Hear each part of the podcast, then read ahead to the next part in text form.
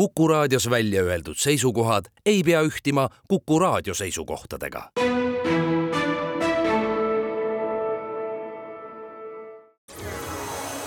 loodusajakiri, vaata ka looduseajakiri.ee. tere, head reede õhtut kõigile teile, head Kuku raadio kuulajad. seekordne saatekülaline on ajakirja Horisont peatoimetaja Ulvar Käärt. tere, Ulvar! tere, tere! Ajakirja Horisont viies number, oktoobri-novembri number on valmis ja on jõudnud ka tellijate postkastidesse, on ka saadaval ajakirjade müügipunktides. meie hakkame teile rääkima, millest saab lugeda ajakirja Horisont viiendast numbrist. kaanepilt on kunstlikult viljastatavast munarakust. miks selline kaanefoto valik, see selgub, kui me jõuame ajakirja sisu tutvustamisega sinnamaale. esimene artikkel, mille juures tahaks peatuda, on teadusloolase Ken Kallingu kirjutatud ja ta kirjutab sellest, kuidas suits on mõjutanud meie silmade tervist. suit silmas on artikli pealkiri. Keni lugu viib meid tagasi kaheksateistkümnendasse sajandisse, kus rahvavalgustajad püüdsid, me võime praegu öelda üsna edutult, maarahvale selgeks teha, et üks pisikene korstenahju juures oleks hea tõsi, ega selle peale me häälestume sellele elule kaheksateistkümnenda sajandi sellises tüüpilises eluhoones, mis siis Eestis ja ka meie naabrite juures, kus inimesed elasid. praegu me, on nagu väga raske seda ette kujutada, aga näiteks, et mis ma ise tajusin, et äh, kui ma nüüd läheksin sinna tuppa sellesse rehemajja või et siis kõige lihtsam võrdlus tänapäeval me saame seda kogeda tegelikult, kui minna suitsusauna. et mina olen korra elus on õnnestunud suitsusaunas käia ja, ja, ja ütleme, kui see kogemus on olemas, et siis on võimalik tegelikult tuua seda paralleeli siis eestlaste nende rehielamutega, kus elati. Ja, ja Ken Kalling nagu vaatabki seda, et siis ta tegelikult no see on ikkagi selline väga ehedates värvides ta seda avab, et mida see siis tähendas, aga et, et see midagi head ei tähendanud elanike tervistele, et siis äh, sellest loost see ilusti tulebki välja, et äh, olid need siis suuremad saksad või, või olid need siis arstiteadlased, kes vaatasid, et äh, kellele nii-öelda tsiviliseeritumad, ehk siis nendel sellise kõrvaltvaataja pilguga panid tähele, et eestlased on justkui võrreldes teiste rahvastega nagu silmahädadega väga kimpus, kas siis pimedad või, või, või palju muid asju. ja siis eeskätt ikkagi seostatigi seda rehe eluga, reheelamuse just selle suitsuga, mis siis äh, kütmisel äh, elamisse tungis või oli selline loomulik, sajandeid ja sajandeid oli see selline loomulik äh, igapäevaelu osa, elu sellises suitsuvingus aga et äh, nagu Ken Kalling ka välja toob, et erinevaid selliseid arvamusi, et ikkagi see suits või, või oli seal ka muid tegureid ikkagi, ta toob siin selle jutu juures tegelikult ühe väga värvika väljavõtte tuhande kaheksasaja kuuekümne neljanda aasta Postimehes, kus on siis selline väga-väga mõtlemapanevad read siis äh, olustiku kirjelduses ühest rehetarest, ehk siis äh, kui ma nüüd seda siin ilusti tsiteerin, kuulajad saavad aru, eks ju, ka aitab nagu suhestuda sellega, et ütleme ka mõelda seda, et kas siis on ikkagi see ainult seda suitsu sai siis süüdistada, et eestlased silmadega kimpus olid, aga et siis seal, ehk siis rehetares, on kõik leida, mis inimest aegsasti võib pimedaks teha. suits, tolm, reheaganad, pimedus ja helevalgus, mis väga silmade peale käib, värske õhupuudus, kus palju inimesi ühes hunnikus elavad, laudalojuste ja sõnniku aur kus inimesed kitsede, lammaste, kanade, põrsaste ja vasikatega üheskoos armastavad elada, saunapalavus, mis silmadele niisama paha on, rehetolm ja leitse. ehk siis kui me nüüd tuleme siin sellisesse tavalisse linnalikku korterisse või, või elumajja praegusesse aega, et siis ma arvan, et jah, et ka ütleme, selline talupoja mõistusega vaadates, tagasi vaadates, et et ega siin seda suitsu vist väga niimoodi üheselt äh, ei saa nagu süüdistada just kõikides nendes hädades, et see, et tegelikult siin selle artikli juures nendest illustratsioonidelt on näha neid äh, olustikupilte reheelamutest, et see oli ikkagi võrdlemisi räpane, läbisegi loomadega elamine sellises rehetares. aga jah, et selle looga muidugi kohe, mis ma ise endal koduraamaturiiulist ka kohe seostus, on see Eiki Pärdil väga suurepärane raamat on Eesti argielust, ütleme siis sellisesse Eesti ühiskonna või, või olme sellisest kujunemisest ja moderniseerimisest, et et see tegelikult annab sellele loole ka sellise kuidas öelda, laiema kultuurilise tausta meie, meie kujunemise kohta. lehitseme ajakirja Horisont viiendat numbrit edasi me leiame siit intervjuu, mille on Tartu Ülikooli evolutsioonilise taimeökoloogia professor Marina Tšemtšenkoga teinud Horisondi toimetaja Helen Rohtmets-Aasa. üks asi, mis mulle siit väga silma jäi, on see, et räägitakse taimede suhtlemisest, kuidas taimed omavahel suhtlevad ja me kanname taimedele üle needsamad omadused, mis on inimestel. me ütleme, et taimed räägivad omavahel. aga Marina Tšemtšenko teeb selgeks, et taimed ei suhtle omavahel nii nagu inimesed, nad ei anna teistele taimedele näiteks teada seda, et oi, minule tulid kahjurid või haigus kalale, et päästke ennast, kes päästa saab. ei, tegelikult äh, taimed kuulavad pealt teisi taimi, see on see võti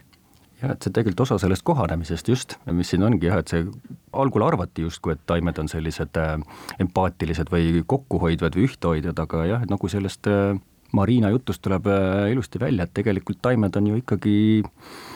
konkurendid, et äh, kõik konkureerivad omas nišis, et see ei ole teps mitte jah niimoodi, et see on ainult hea vedamine,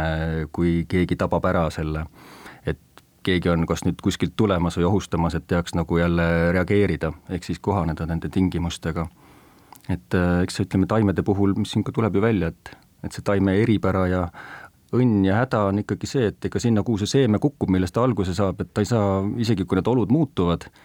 on need mingisugused haigustikid, ega ta ei saa jooksu panna sealt või on need, ütleme, ilmastikutingimused, klimaatilised tingimused, et see ongi see taime edu, et ta peab kohanema selle uute oludega. aga mis sellest nagu loost jälle tuleb ütleme, või sellest jutuajamisest ka välja, et ikkagi miks see taimede kohanemisvõime jällegi väga aktuaalne on, et see on jälle, kui me toome siia taustale jälle need kurikuulsad kliimamuutused, et ütleme siin ka selles jutuajamises jookseb läbi väga selgelt see tänavune suvi, eks ju, et suvi algas väga-väga põuaselt,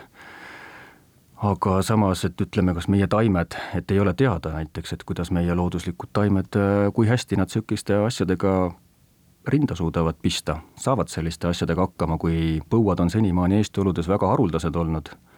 et siis, kui nüüd äh, kliimauurijad nagu ennustavad, et need sellised äärmuslikud ilmaolud on need siis ütleme, suured tormid või sajud või, või ka põuad näiteks, et äh, kui sellised ilmaäärmused nagu sagenevad kiiresti veel, et siis mis meie taimi ees ootab, et äh, see paneb nagu taimeuurijad väga muretsema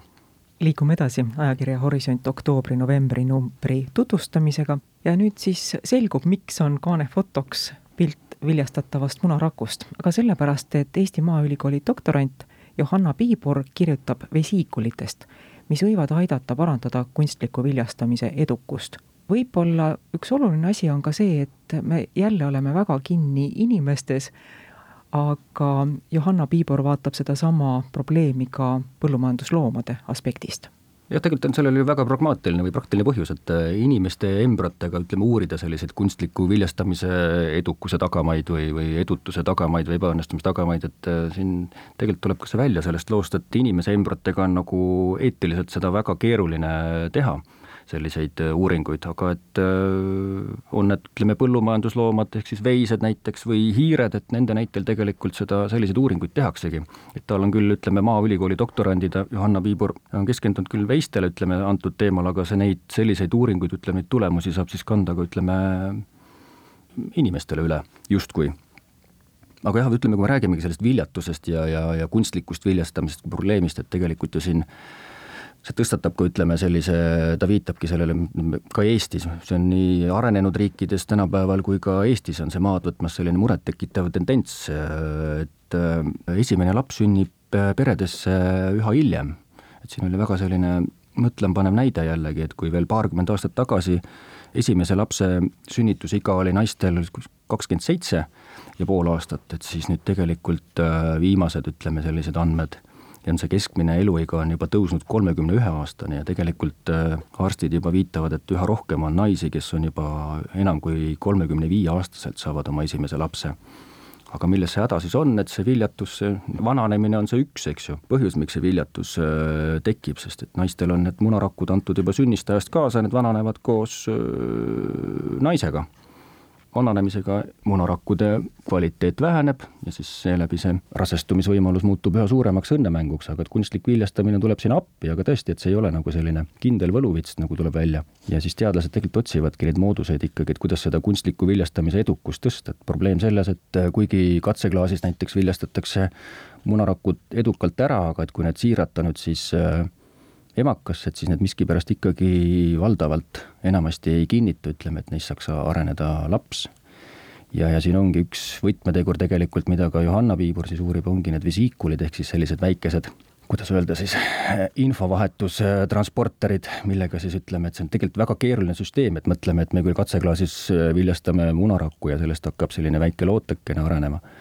aga et miks ta siis äh, emaka limaskestele ei kinnitu, aga et nagu siin tuleb välja, et seal on mustmiljon igasuguseid tegureid tegelikult, mis määravad seda. ja, ja siis ütleme, üks viis, kuidas siis ütleme, turgutada või sellist, et need embrüod ei sureks nii või hukkuks nii kergesti ära, et siis uuritaksegi, et näiteks, et kasvusöötmel, kuhu need siis kunstlikul viljastamisel katseklaasis need embrüod arenema asetatakse, et siis need sisaldaksid võimalikult palju või sellist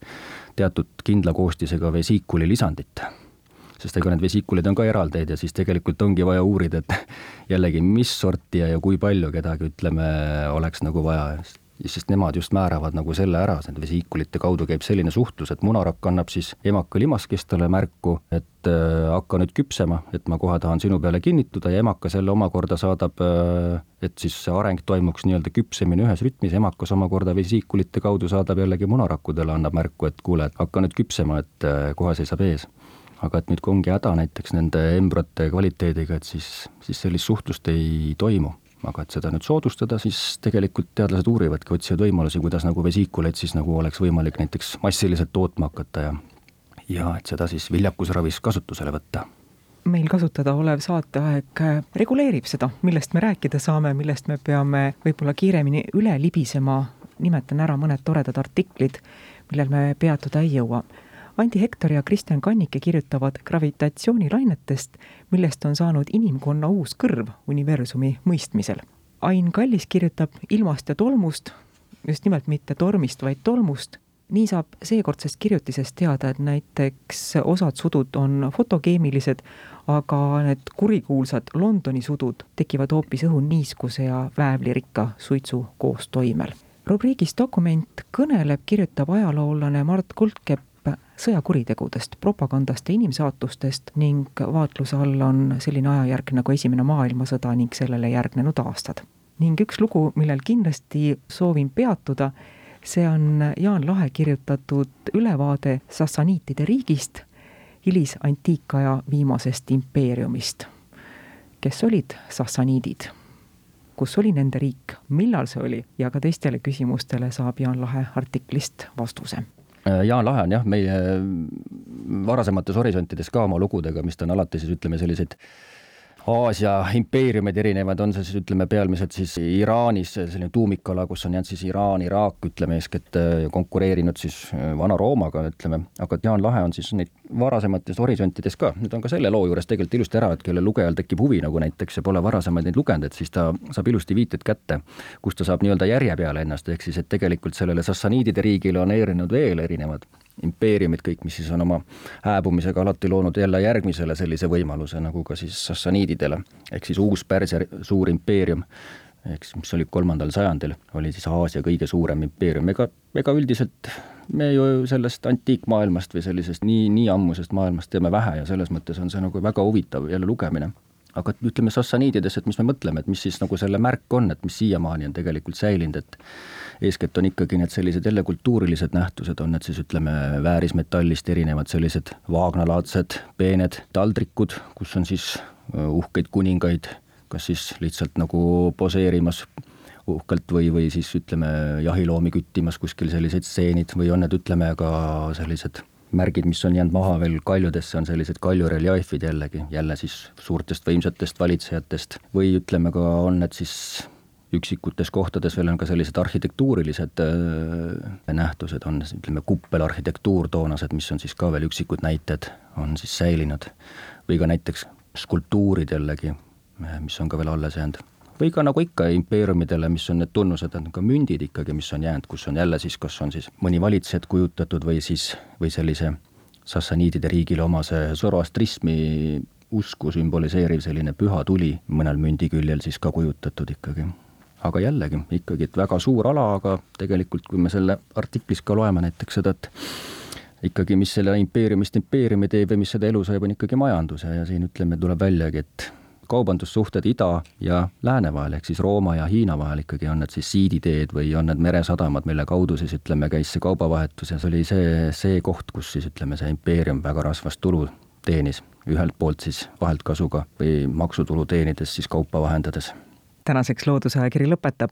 aitäh, ajakirja Horisont peatoimetaja Ulvar Käärt, et sa tulid saatesse külla, et sa rääkisid meile, millest saab lugeda Horisondi värskest numbrist. saatejuht Tiirööp ütleb tänusõnad ka kõigile teile, kes te meid kuulasite. soovime teile ilusat õhtu jätku ja jälle kuulmiseni.